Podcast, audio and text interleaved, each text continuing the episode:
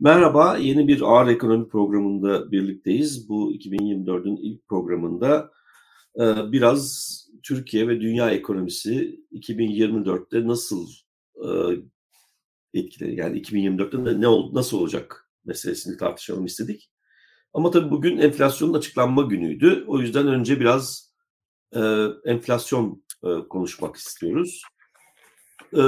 Enflasyon Aralık ayı 2023'ün son e, aylık enflasyonu 2.93 olarak açıklandı. Bu benim biraz beklentilerimin altındaydı çünkü İTO 3.5 civarında açıklamıştı.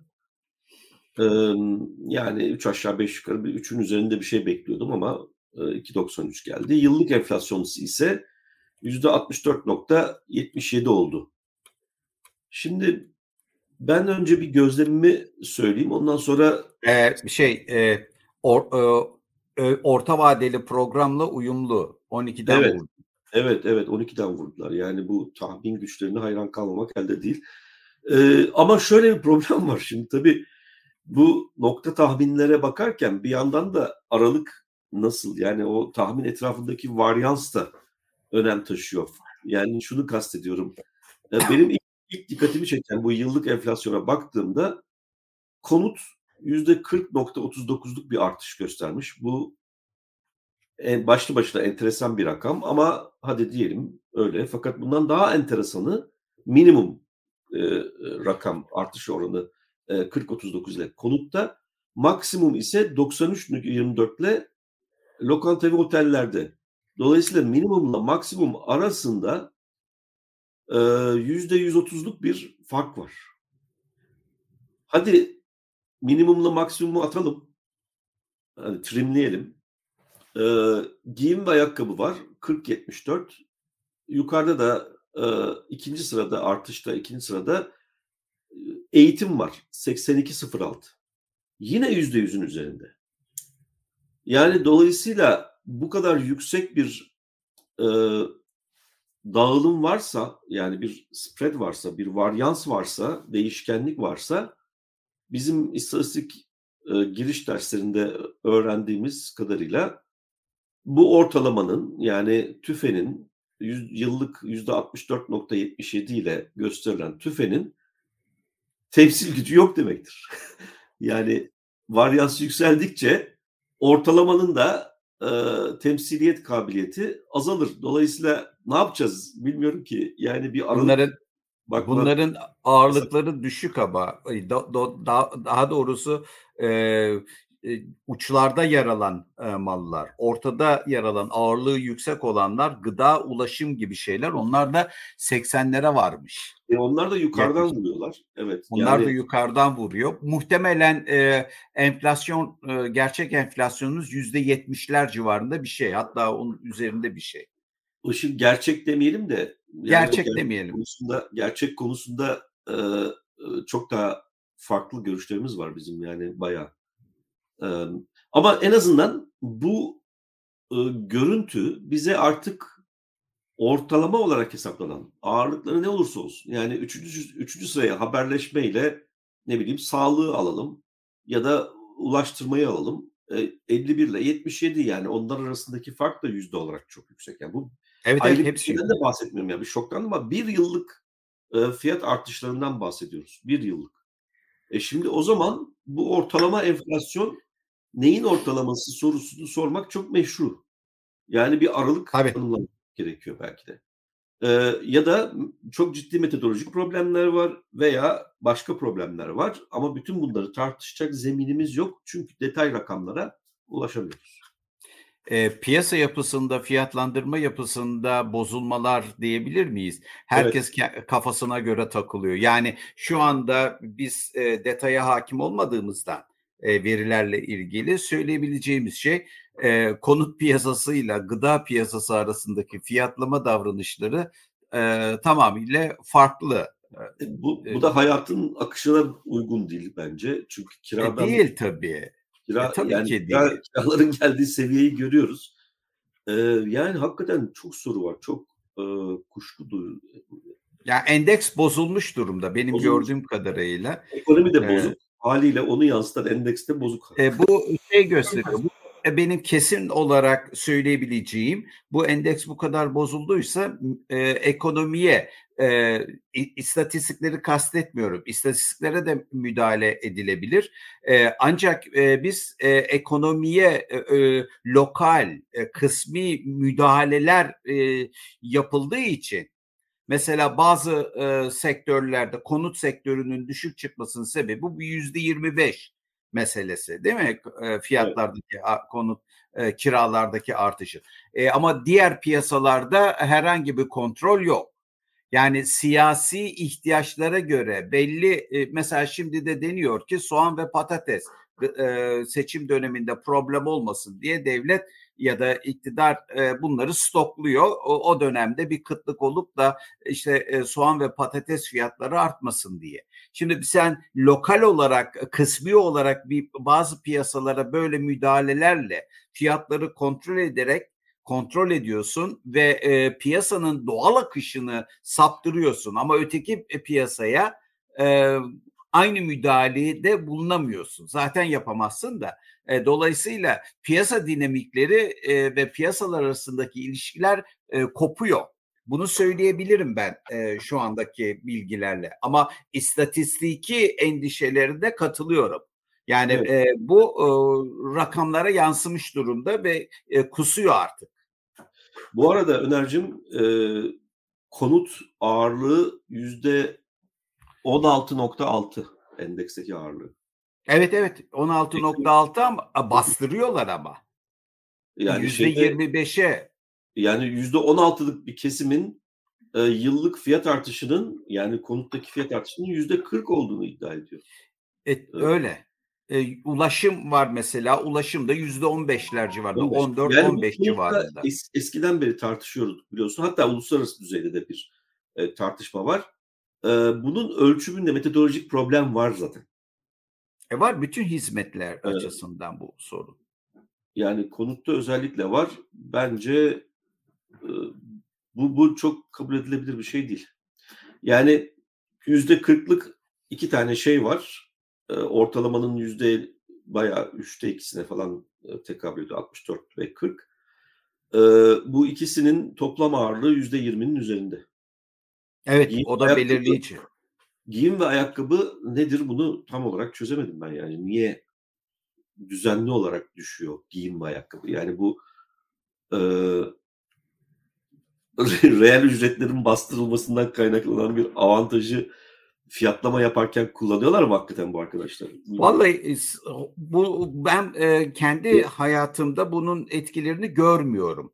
Evet. Yani düşen herhangi bir fiyat görmedim. E, düşmesi gerekmiyor tabii ki. Bu bir e, artış oranı, hızı yavaşlamış falan deniyor. E, ama böyle bir eğilim de e, çok görülmüyor. Yaygın bir eğilim değil. E, ama Türkiye e, göstergesi bunlar. E, Türkiye'nin başka bölgelerinde belki e, bu yönde bir eğilim vardır. Belki ee, insanların şeyi de olur. Ya tabii bir de şöyle bir e, e, yorum yapmak da mümkün. Şimdi zorunlu harcamalar neler? Ulaştırma, gıda. sağlık, gıda, e, eğitim. Yani burada iç talep şey olmuyor, e, kaybolmuyor. Belki işte hep üzerinde duruyoruz. E, gıdada falan tahşişli mallara yönelip uzun vadede karşı karşıya uzun vadede sorunlarla karşılaşması söz konusu olacak insanların. Buna karşılık işte giyim ve ayakkabı, ne bileyim çeşitli mal hizmetler, eğlence kültür falan gibi yerlerde de bir nedir karşı koyma stratejisi olarak fiyat artışlarına karşı koyma stratejisi olarak vazgeçmiş olabilirler bunları tüketmekten. Yani iç talep çok çöktüğü için bu tür fiyatlamalarda düşüş olmuş, gerçekleşmiş olabilir. Ama hocam lokanta ve otel var yüzde doksan. O, o da gelir dağılımı biliyorsun biz iktisatçılar her şeye kuk takarız. gelir dağılımı bozukluğunun bir yansıması olabilir yani. Çünkü sonuçta bu hizmet sektöründe herhalde dış şoklara en açık e, sektör lokanta ve oteller olsa gerek değil mi? Onlar biraz yurt dışı fiyatları e, yansıtabiliyorlar kendi içlerinde ya da ne bileyim döviz döviz bazlı fiyatlama yapıyorlarsa ve yurt dışından talep kesilmediyse, yeteri kadar düşmediyse ki o başka dinamikler var orada çalışan.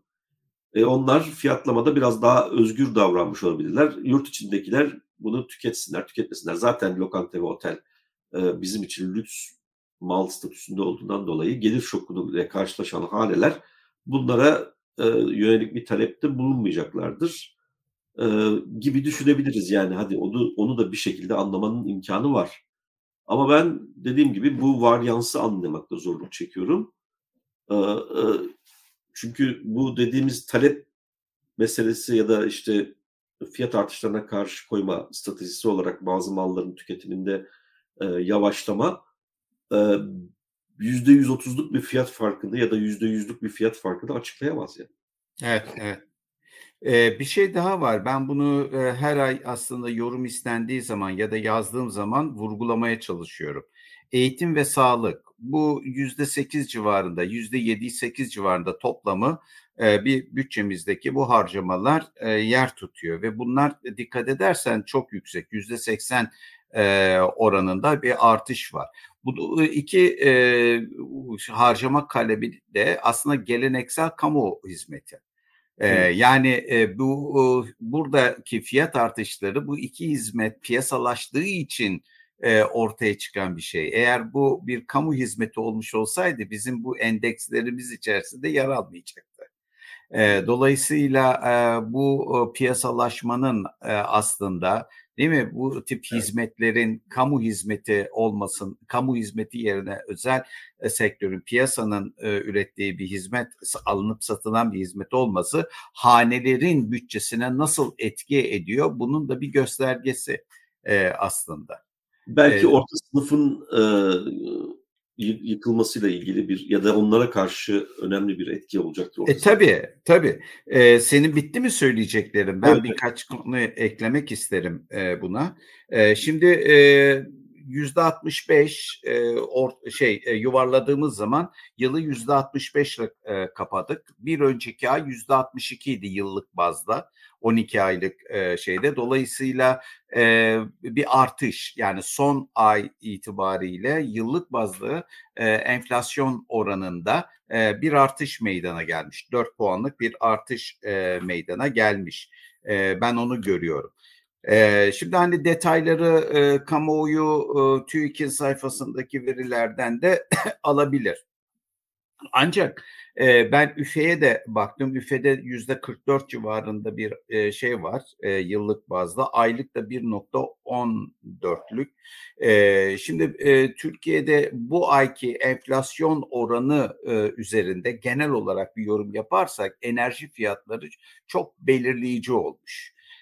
Yani petrolü biliyorsunuz orta vadeli programda 82 dolar varil başına falan e, 80 civarında bir fiyatla e, öngörmüşlerdi. E, Gazze olaylarından do, e, dolayı bu bir 100 e, dolar civarına e, geldi. Sonra tekrar bu, bu aralarda 80 doların altında e, seyrediyor.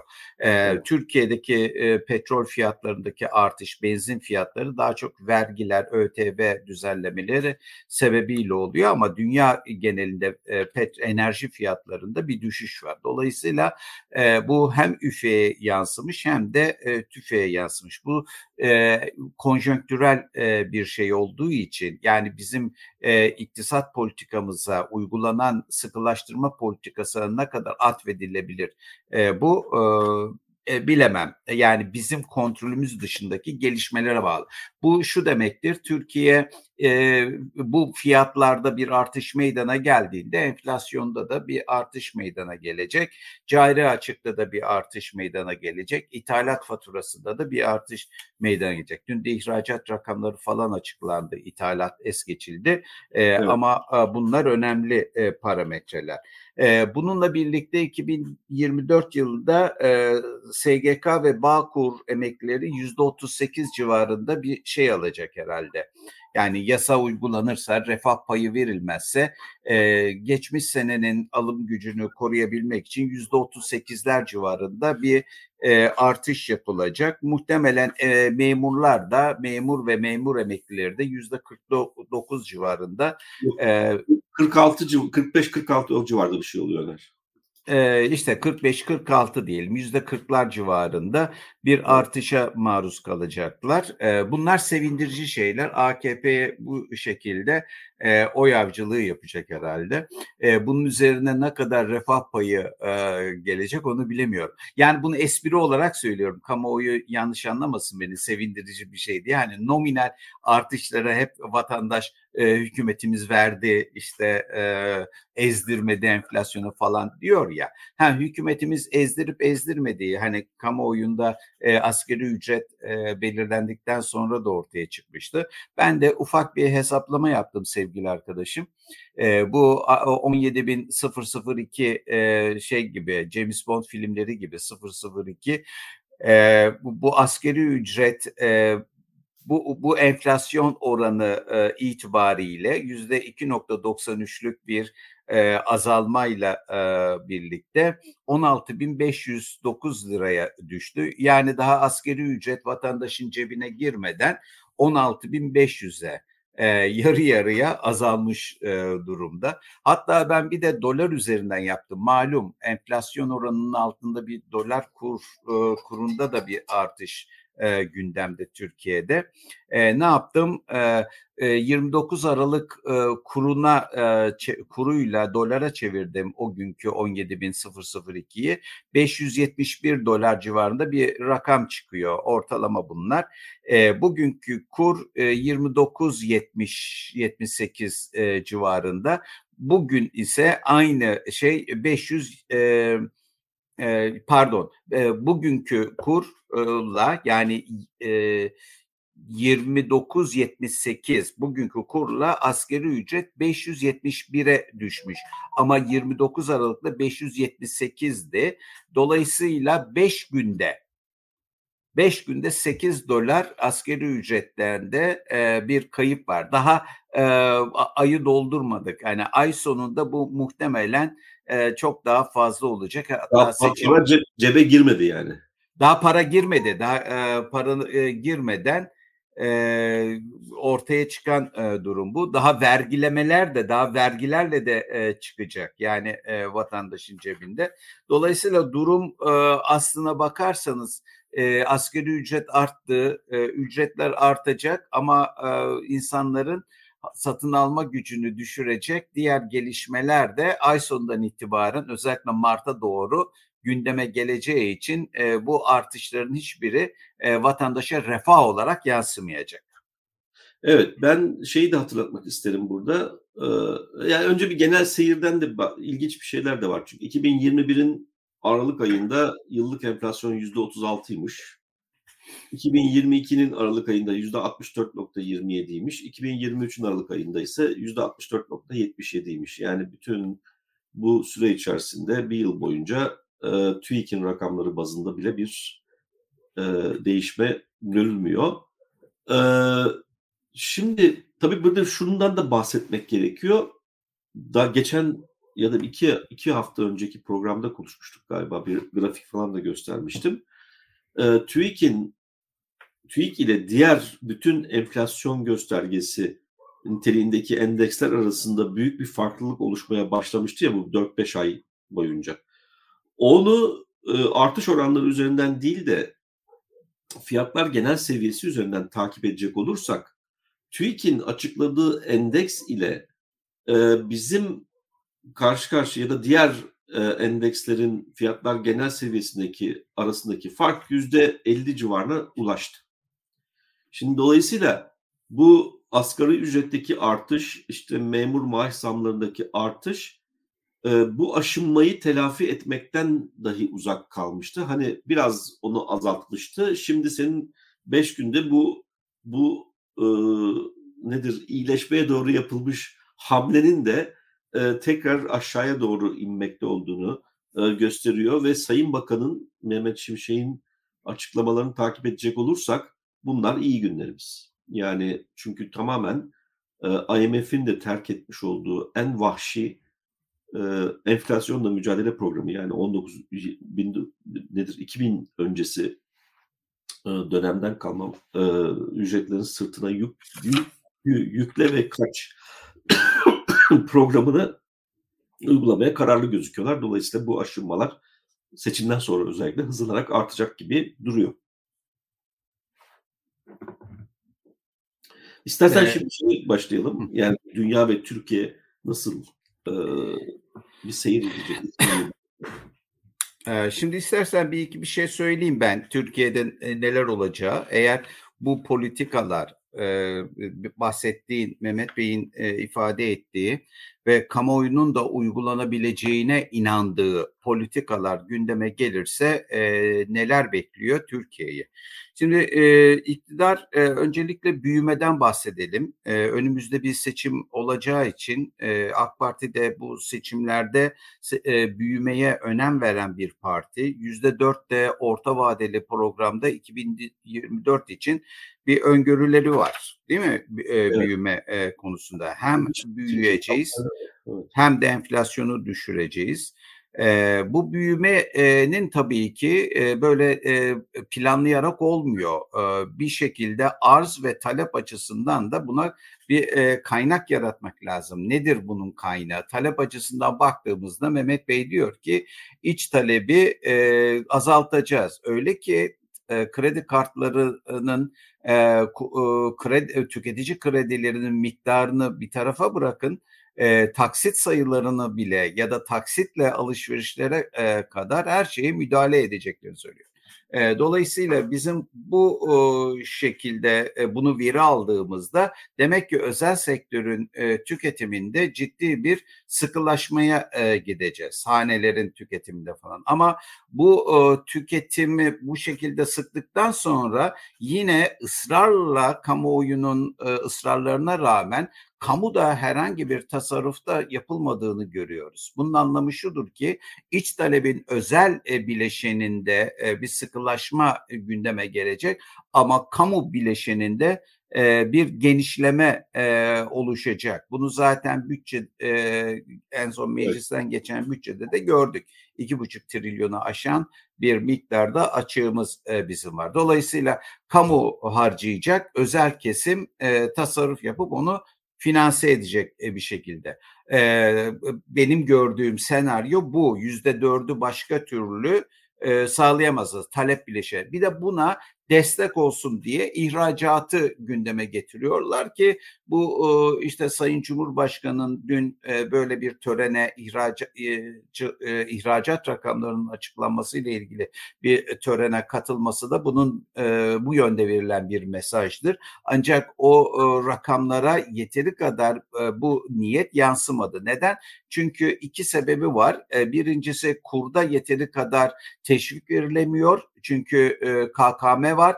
KKM açısından bir e, kamuya ek bir yük gelebilir. Bu risk var. O yüzden de KKM'nin e, yarattığı kısıtları dikkate alarak kurdaki e, değer kaybı, TL'nin değer kaybını kontrollü bir şekilde sağlamaya çalışıyorlar. E, ikinci e, husus ise elbette e, dış talep. Yani şu anda e, Avrupa Merkez Bankası'nın ve Fed'in faiz indirimini görüş e, faiz indirimini gündeme alabilmesi için çok erken. Daha e, rakamların e, perçinleşmesini, e, güvenin e, enflasyonun düşmesiyle ilgili güvenin e, piyasaya yerleşmesini, oluşmasını e, e, bekliyor. O yüzden e, ilk etapta böyle bir e, durumun e, o olması mümkün değil. Dolayısıyla Avrupa ekonomilerinde bir yavaşlamanın etkisi, resesyon etkisini görmek muhtemel. Bu bizim için riskli bir durumdur ihracat için. Tabii birazdan sen bahsedeceksin sanırım. Uluslararası ticaret üzerinde de bir takım baskılar ve riskler var. Özellikle ulaştırma maliyetleri, navlunlar falan. Bunlar veri olduğunda dış talepten desteğin bu yüzde dörtlük büyüme için çok fazla gelemeyeceğini ben tahmin ediyorum. E, bunun e, yerine e, kamu harcamalarıyla e, bu işi e, yapacaklar. Ama bunu yaptığınız zaman da e, kamu üzerinden bunun e, hem cari açık e, etkisi olacak. Yani e, siz dışarıdan ihracattan yeterli destek alamazsanız o yüzde dörtlük büyümeyi de sabit tutmak istiyorsanız giderek daha fazla kamuya kamu harcamalarına güvenmek zorundasınız. Dolayısıyla o kamu harcamalarında umulanın üzerindeki artışlar da hem enflasyon olarak hem de cari açık olarak size e, yansıyacak. Öngörülemeyen düzeylere çıkacak olan bir cari açıkta petrol fiyatları sabit kalırsa sizin enflasyon hedeflerinizde de bir sapmaya neden olacak. Bu aşamada bu kadarını söyleyeyim. Evet yani biraz karışık bir ortamdayız. Hem Türkiye için hem de yurt dışı için. Dolayısıyla e, varsayımlar yap, varsayım yapmakta çok zorlanıyoruz. Yani belli başlı birkaç tane parlama noktası var aslında bakarsan. Bir tanesi Türkiye'ye bakacak olursak e, seçim ve anayasa. Yani Mart sonunda seçim var. Seçimde seçime kadar kamu harcama politikası nasıl olacak? Gelen sinyaller Ocak, Şubat'ta biraz ve Mart'ta yani seçime kadar e, kamu harcamalarına e, yakıtlı koyacaklar. Yani onu artıracaklar gibi e, gözüküyor. Bu da bir sıkılaşmayı biraz etkileyecektir. Onun etkilerini e, paralize edebilir. Ondan sonrasında da bir anayasa tartışması getirecekler gibi duruyor. Dolayısıyla bu anayasa tartışması kapsamında da kamu harcamaları hani eğer bu yıl içerisinde bir referandum planladılarsa e, burada yine bir kamu harcamalarında bir etkilenme ortaya çıkabilir ama bunların hiçbirisi de olmayabilir. Yani dolayısıyla bu siyasi bir karar öngörüde bulunmak çok e, kolay değil. İkinci olarak da e, Türkiye ile ilgili yine devam edecek olursak e, sıkılaştırmaya devam edip etmeyecekleri. Çünkü şimdi sonuç itibariyle bu e, rejim tercihi aynı zamanda e, iktidar bloğu içerisindeki çeşitli çetelerin de e, yararına ve zararına sonuçlar doğuruyor. Şimdi çete kavramını e, bugünlerde ra- rahat kullanıyorum artık. Çünkü e, sana da tavsiye ederim, izleyicilerine tavsiye ederim. Tanıl, Tanıl Bora'nın çevirisiyle iletişim yayınlarından bir e, kitap çıktı. E, Lindemann'ın Çetelerin Siyaseti, Egemen Sınıfların Pratiği diye. Bu meğerse uzun zamandır e, tartışılan bir meseleymiş deyip geçiyorum bunu ileride ele almak üzere. E, yani çeşitli çıkar gruplarının bu e, rejim e, tercihine göre pozisyonlarından zarar ya da kar yazıyorlar. Dolayısıyla e, blok içerisindeki bu çatışma görünümü de bir parça buradan ortaya çıkıyor. Bunlardan hangisinin galip geleceğini bilemiyoruz. Yani eğer eski Türkiye modeli taraftarları e, bir üstünlük kazanırlarsa o zaman bu ekibin tasfiyesi gündeme gelebilir. Yok bu ekibin devamını ve işte tırnak içinde rasyonel politikalar muhasebesine diyelim ya da finansına diyelim ya da nakit yönetimine diyelim yani çünkü o, onun dışında bir rasyonelite e, arz etmiyor şimdiye kadar ortaya koydukları e, icraatlar. E, onlar devam şey yaparsa o zaman bu politikalar devam edecek yani sıkılaştırma devam edecek yani işte iç talebi e, bastırmaya dönük e, çeşitli e, tedbirler alınmaya devam edecek demektir. Üçüncü bir mesele bu artık bir varsayım haline dönüştü. Yani belirsizliği ortadan kaldırdı. Enflasyon muhasebesi. Şimdi enflasyon muhasebesi uygulanmadığında, yüksek bir enflasyon ortamında enflasyon muhasebesi uygulanmadığında e, çok sayıda şirket kar ediyordu. Ama ve vergi topluyordu. Vergi, vergi de topluyordu. Evet. Bu dolayısıyla kamu açıklarına da olumlu bir etkide bulunacaktı. Yani kamunun harcamalarının finansmanı bir ölçüde buradan da e, güç buluyordu. E, şimdi enflasyon muhasebesi uygulanırsa bir vergi de azalma olacak çünkü pek çok karlı şirket ya kar edemez duruma düşecek veya zarar yazmaya başlayacak. Yani öz sermayeden yemekte olduğunu e, görecek. Dolayısıyla bu şirketlerin davranışlarında da bir e, kalıp değişmesine neden olacaktır. Yani bu sıkılaştırma e, e, çoğunlukla işte a, talep tarafını sıkalım, arz tarafını açalım. İşte burada ihracatı da e, şey yaparız, e, destekleriz Böylece e, cari açık biraz iyileşir. Ondan sonra işte nakit girişleri falan döviz likiditesinde kolaylık olur falan filan gibi o bildik teraneler yani 30-40 yıldır e, e, artık bugünlerde pek e, görmediğimiz ama 30-40 yıl öncesinin teranelerini dile getirecekler. Dile getirmeye devam ederler. Yani böyle bir şey olacak. Ama burada arz tarafını da baskı altına almış oluyorsunuz bu sefer. Çünkü krediye erişim problem olmaya başlayacak. Yani şirket bilançoları bozulduğunda e, bankalar haliyle dönüp de e, da kredi verme konusunda istekli olmayacaklar. E, böyle olunca bu sefer pek çok şirkette e, belki de daralma ve işte faaliyetleri azaltma ve belki de kapanma gündeme gelecek. Dolayısıyla bu ihracata da olumsuz yansıyacak. Sen hep çok altını çizersin. Bizim ihracat performansının yurt içindeki performansla da çok alakası var diye. Bu, bu tür bir şey yani bu iki taraflı çalışan mekanizmanın bir tarafını da köreltecek adımlar attığınız zaman bu sefer ihracat beklentinizde o beklentiyi gerçekleştirmek iyice zorlaşacak.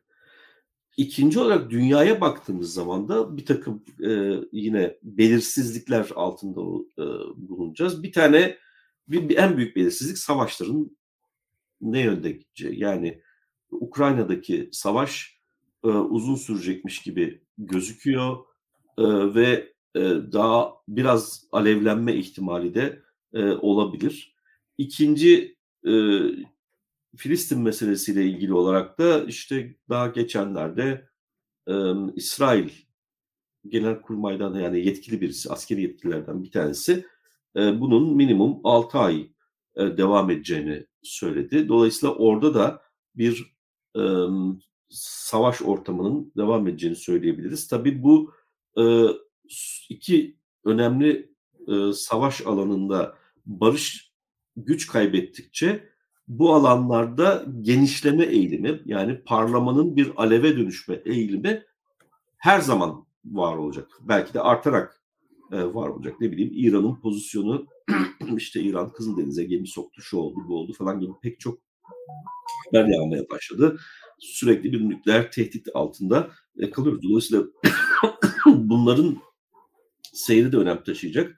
Fed'in likiditeyi artık daha yani faiz oranlarını artırmaktan vazgeçtiğini ve muhtemelen yıl ortasından itibaren e, düşürücümeye başlayacağını, bunun da küresel çapta likiditenin artacağına dair bir gösterge olarak değerlendirmemiz gerekiyor. Bu tabii bizim cari açık finansmanı konusunda bir parça rahatlama imkanı sağlayabilir.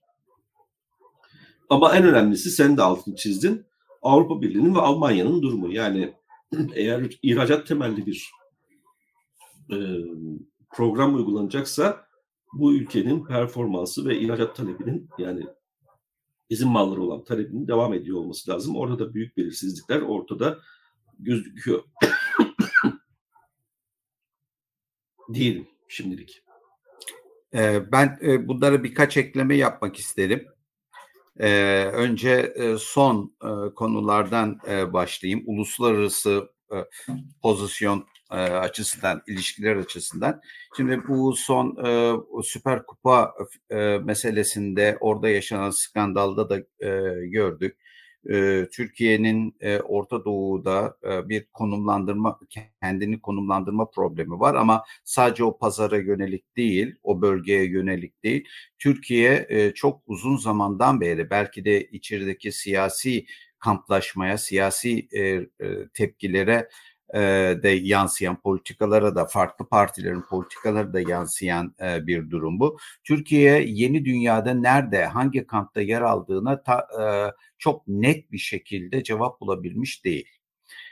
bunun sebeplerini ayrı bir programda bence bir konukla birlikte tartışmakta fayda var. Kastettiğim şu, dünya üzerinde e, yeni güç dengeleri, ekonomiden kaynaklanan, ekonomi üretim ilişkilerinden kaynaklanan bir güç dengeleri var.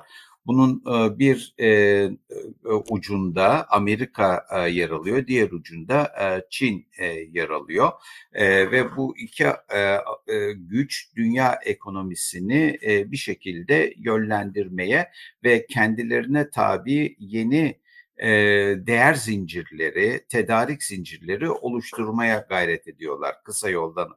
Yani İkinci Dünya Savaşı sonrası Amerikan emperyalizminin ya da Amerika'nın dünya üzerindeki hakimiyetinin en önemli şeyi hem pazarda bir üretimden gelen gücünü kullandı ve bir değerler zincirini kendisi için oluşturdu ve bundan yararlandı ve bir de buna yönelik olarak işte tedarik zincirleri bu değerleri yaratacak bir tedarik e, geriye e, yönelik bir tedarik e, zinciri koy, kurmayı da başarabildi. Zaman zaman bu sol literatürde merkez çevre ilişkileri falan kullanılarak tartışıldı da e, Emanuel'in işte emperyalizm e, teorileri şu bu falan. Ama dünya şu anda yeni bir güçle karşı karşıya ve e, İkinci Dünya Savaşı sonrasında olduğu gibi örneğin Amerika ve Rusya arasında askeri bir rekabet etrafında e, yaşanan kutuplaşmadan çok farklı yeni bir kutuplaşma yeni, e, yaşanıyor Çin ile Amerika arasında. Bu sefer Çin dikkat ederseniz yani sayın seyirciler de gö, görmüştür, kabul edecektir. Çin askeri olarak şu ana kadar e, kendini gösteren bir ülke e, niteliğinde değil. Daha çok ekonomiyle kendisini e, gösteriyor ve e, karşılıklı bu ekonomik ilişkilerde de karşılıklı bir bağımlılık ilişkisi ve iş bölümü söz konusu. Yani Çin e, Amerika ile resleşmiyor, Avrupa ile çok resleşmiyor. Çünkü ürettiği malların e, pazarı orası, onun değer zincirinde. Ancak tedarik zincirleri de e, Amerika Birleşik Devletleri ile ciddi bir rekabete giriyor. Yani kendine e, yönelik, kendi değer zincirlerini e, yaratmaya e, yönelik, bağımsız bir tedarik zinciri oluşturmaya yönelik bir e, bağ e, yaratmak istiyor. E, dolayısıyla bu da Amerika'nın e, uluslararası sistemde ve dünya ekonomisindeki hakimiyetini ortadan kaldırıyor. Vatandaş sanıyor ki sadece dolar kullanımı Amerika'ya bir güç veriyor. Hayır, sadece o değil. O önemli bir şeydir.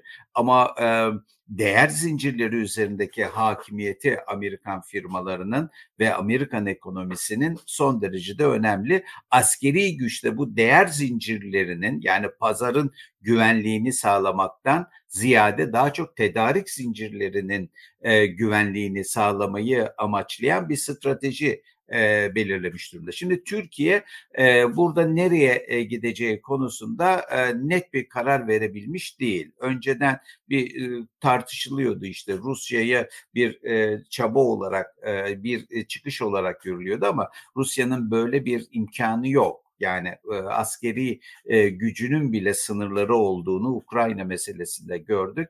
Orası pasifize olmuş durumda. Ukrayna Savaşı e, zaten e, bu şeyin e, Rusya'nı çok uzun süre e, kendi içine dönmesini ve dünya meselelerine çok fazla aktif olarak e, dahil olabilmesinin e, şeyine e, yani koşullarını oluşturdu. Onu bağladılar orada. Asıl e, şimdi Amerika e, açısından e, Çin'in e, gücünü dengeleyebilmek ve onun tedarik zincirleri üzerindeki hakim e, bağımsızlığını sınırlayabilmek, kontrolünü sınırlayabilmek e, ve kendisiyle bir e, işbirliği içerisine girmek. İşbirliği diyorum burada yok etme söz konusu değil çünkü Amerikan ekonomisi üretim ekonomisi değil artık. Yani Batı ekonomisi üretim, fiziki üretimin yapıldığı yerler değil. Uzak Doğu Asya üretimin e, e, ve değer zincirlerinin güvenliği açısından son derecede önemli. Dolayısıyla orada yaşanacak olan bir e, askeri e, karşıla, e, karşılaşma bütün e, sistemin, ekonomik sistemi e, tehlikeye e, sokacaktır. Neyse bunları biz ilerleyen günlerde konuşuruz. Şimdi e, Türkiye'nin e, bu sorunun cevabını verebilmesi lazım. E, Orta Doğu'da e, artık bir e, petrol açısından bir doğal kaynak e, tekeline sahip ülkelerin bulunduğu bir bölge olmaktan çıkıyor daha çok uluslararası ticaretin, tedarik zincirlerinin geçiş yolu haline geliyor. Bu da o bölgedeki işte transformasyonu, siyasi sistemlerin güç dengelerinin bir şekilde değişmesine neden olacak, yol, açacak ve önümüzdeki günlerde bu bölgede biz yeni yapılanmaları, siyasi yapılanmaları, ülke yapılanmalarını görme imkanına kavuşacağız. Dediğim gibi artık petrol için değil, tedarik zincirlerinde vazgeçilmez bir e, unsur olduğu için, bölge olduğu için ön plana çıkacak bir Orta Doğu'dan Orta Doğu göreceğiz e, e, diye düşünüyorum. Zaten Türkiye'nin e, ve e, Riyad'la olan ilişkileri e, deki e, en önemli e, şeyi de endişesi de bu olsa gerek. O yüzden de bana göre doğru yapılıyor hükümet e, bu Süper Kupa meselesini çok fazla abartmadan e, daha diplomatik bir dille e, bu problemi çözmeye çalışıyor. Neyse bunlar ayrı konular e, bir ölçüde. Ancak ülke içerisine geldiğimizde beni endişe ettiren, endişeye sevk eden ve uzun zamandır da e, dikkat çekmeye e, çalıştığım bir, birkaç husus var. O da şu. Şimdi biraz önce sen söyledin enflasyon hedefleme e, pardon enflasyon muhasebesi çok önemli. Bu enflasyon hedeflemesi e, girdiğiniz zaman e, ilk olacak e, şey aslında birçok şirketin e, sermaye eksikliği daha görünür hale gelecek. Yani firmalar aslında olmayan sermayeleriyle hayatta kalıyorlar. Artık canı çıkmış e, şirketler.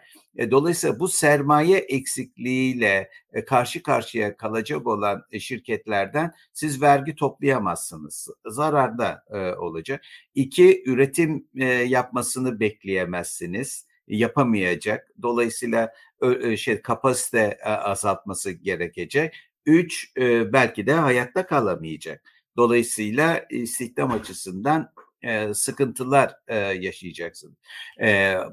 Bununla nasıl mücadele edersiniz? E, bu sermaye eksikliğini bir şekilde e, krediyle telafi edersiniz. Bugüne kadar 2017 yılında kredi garanti fonlarının e, çıkmasının asıl sebebi bu değil miydi? Aslında e, değil mi? E, bu sermayesi olmayan şirketlere kredi vererek e, bu şirketleri yüzdürme çabasıydı o uygulamalar. E, şimdi bir taraftan önlenemez olan enflasyonun yaratmış olduğu tahribata maruz kaldık. 2017'den bu yana enflasyon çok e, yüksek. Zaten olmayan sermayenin daha da erimesine maruz kaldı bu e, şirketler. E, iki bir de enflasyon e, muhasebesine girdikten sonra e, her şey daha net bir şekilde ortaya çıkacak. Bir de siz sıkılaştırma politikası ve kredi politikası izleyeceğim e, diyorsunuz. Dolayısıyla bunların eğer e, yüzdürmek istiyorsanız bunların çoğu da küçük esnaf.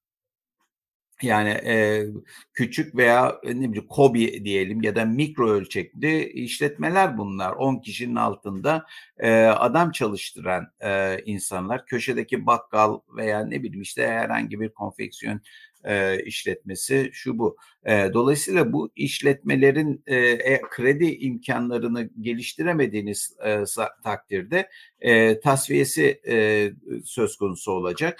Bir de 2024 yılında bu işletmeleri sermayelerinde olmayan sermayelerinde daha da azalmaya neden olacak bir vergileriniz var sizin. Vergi artışlarınız var. E, iki ücret artışlarınız var. Beğenin ya da beğenmeyin bunlar bir maliyet unsuru. İki finansal maliyetlerde artış var.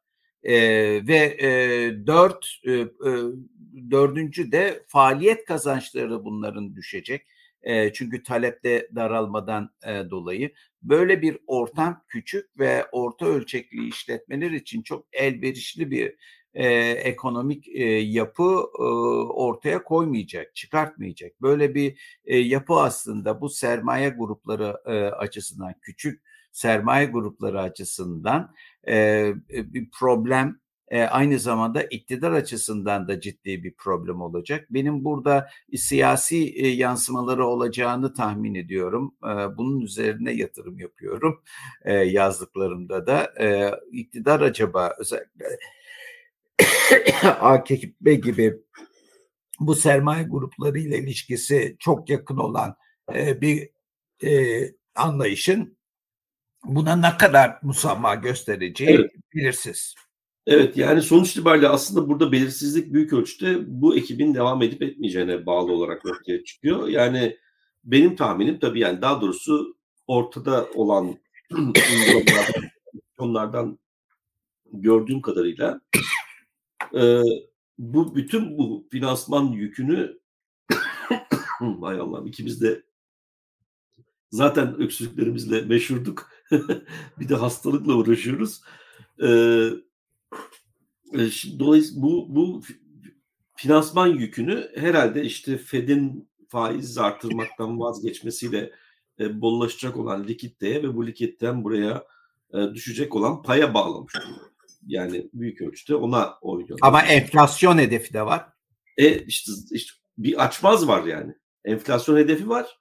Çünkü sonuçta bu fonu e, şey yapacaksanız, buraya çekecekseniz bu politikada devam etmeniz lazım. Ama politikada devam ederseniz de bu defa önemli bir kısmı AKP'nin e, siyasi güç depoladığı bir taban oluşturan e, küçük esnafı şunu bunu falan da zor duruma sokacaksınız. Dolayısıyla böyle bir açmaz var. Bu açmazın içerisinden nasıl çıkacaklar onu ben de merak ediyorum doğrusu. E, ama şimdilik bu sıkılaştırmanın devam edeceği e, gözüküyor. Bu sıkılaştırma devam edecekse o zaman %4 büyüme hedefi gerçekçi değil. Yani herhalde iki civarında bir büyümeyle e, bu yıl e, uğraşacağız gibi gözüküyor. Bu da işte e, gelir kaybı, işsizlik ve yoksullukta bir büyük sıçrama anlamına e, gelecektir. Yani yüzde ikilik bir büyümeyle işsizlikte herhalde e, manşet işsizlikten bahsetmiyorum ama geniş tanımlı işsizlikte e, büyük bir sıçrama e, ortaya çıkacaktır diye e, düşünüyorum. Tabii burada şunu da hatırlatmak gerekiyor. 2023 yılı için e, 10 yıl önce e, AKP'nin şaşalı bir şekilde açıkladığı bazı hedefler vardı. Bunlar da e, son derece nasıl söyleyelim yani hayali hedefler olduğunu görmüş olduk. 500 milyar dolarlık ihracat bu yarıya bile ulaşamadı. 25 bin e, dolarlık kişi başı gelir yanına bile e, yaklaşamadık. E, ilk 10 ekonomi içerisinde olacaktık. Ayı uzaktan hedefleyerek vuracaktık falan filan. E, bunların, bunlar da yani bu performans da aslında ortaya koydukları e, yeni tırnak daha doğrusu rasyonel tırnak içinde yine ekonomi modelinin e, performansı hakkında bize bir fikir veriyor. Yani bu gerçekten ortaya konulan e, henüz bizim tam olarak okuyamadığımız e, uzun vadeli program yani stratejik program e, ve orta vadeli program e, tamamen nasıl söyleyelim yok hükmünde onların deyimiyle e, programlar aslında. Yani böyle günlük olarak sürüklenen ve bir nakit yönetimi üzerine odaklanmış bir ekonomi yönetimi çıkarşıyız. Dolayısıyla da e, bu programlara ihtiyaç doğuran temel problemlere de hiç bakılmıyor.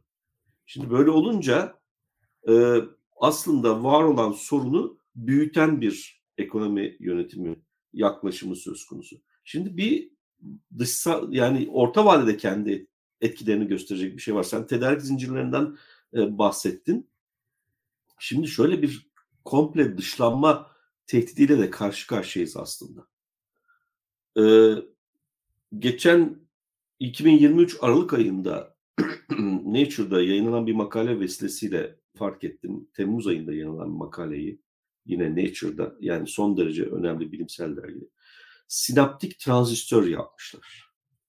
Yani e, söyledikleri şey şu, beynin e, kompleks fonksiyonlarının bir bölümünü de taklit edebilecek yetenekte çip üretme imkanı sunacak bir gelişme. Dolayısıyla aslında kontrolsüz bir hani o Daron'un bahsettiği, Daron Acemoğlu'nun bahsettiği e, işte hep altını çizmeye çalıştığı yapay zeka e, konusunda ya da teknolojik gelişmeler diyelim en daha genel anlamıyla e, bu türden kontrolsüz bir şekilde devam edecek olursa e, refah artışını bir yana bırakın büyük bir sosyal ve iktisadi problemle karşı karşıya kalacağız işte gelir, eş, gelir eşitsizliğinin artması şu bu falan filan ya da yıkıcı bir şekilde artması diyelim. E, bu buna regülasyon getirmek bir yana regülasyon konusundaki tartışmaların hızının çok ötesinde teknolojik gelişmeler oluyor. Şimdi böyle bir şey olunca bir de tabii e, o zaman bu tedarik zincirleri iki işlevi vardı. Bir tanesi mal satmak ve işte ucuz iş gücü peşinde e, koşmaktı. Bir tanesi de e, materyal yani malzeme e, şeyinde değil mi? Doğal ham madde şu bu falan. Şimdi türden e, teknolojik kapasitenin geometri, üstsel olarak artması, geometrik olarak artması e, ucuz iş gücü meselesini devre dışı bıraktı. E, malzeme biliminde de çok devrimci gelişmeler gözlüyoruz. Örneğin bu bahsettiğim transistör iki boyutlu malzeme diye adlandırılan atomun e, yani son derece ince atomik seviyede, nano, nano seviyede son derece ince ve sentetik tabii ki e, malzemeden bahsediyoruz. Bunları kullanarak yapmışlar. Dolayısıyla aslında çok ciddi bir yatırım da var. Yani o tedarik zincirlerinin e, malzeme kısıtını aşma açısından taşıdığı fonksiyonun da hızla yıprandığını görüyoruz. O zaman işte bu göçler möçler falan işte ona karşı alınan siyasi tavırlar ve bütün bu e, neofaşist iktidarların yükselişini de e, nedir ona da yakıt sağlayan ona da yakıt sağlayan mesele ortaya çıkıyor. Dünyanın bir bölünme ile karşı karşıya kalma ihtimali var. Yani bir tarafta işte görece daha yüksek refah ve yüksek bir e, toplumsal baskının e, gözetim e, toplumunun e, hüküm sürdüğü, öbür tarafta ise büyük bir karmaşanın hüküm sürdüğü bir dünya hayal ediyor olabilirler. Yani bütün söylem ve gidişattan bunu çıkartıyoruz. Şimdi bizim bunu da önümüze koyup buna karşı da e, nasıl bir stratejik adım ya da nasıl bir e, stratejik plan yapmamız gerektiği konusunu tartışmamız gerekiyor ama bunlara hiç vakit kalmıyor ve bunları konuşmak için hiçbir zemin e, bırakmıyorlar e, abuk subuk meselelerle e, uğraşmaktan. Dolayısıyla e, benim asıl 2024 ve sonrası için rahatsız eden en önemli mesele bu. Çünkü varlık yok. Katılıyorum. Katılıyorum. Ee, burada bırakalım istersen evet. Sayın Hocam. Peki. Daha sonraki programlarda bu konuların her birine detaylı bir şekilde ele alırız. Bugün evet. bu kadar olsun. Peki önümüzdeki hafta tekrar görüşmek dileğiyle. Hoşçakalın. Görüşürüz. Hoşçakalın.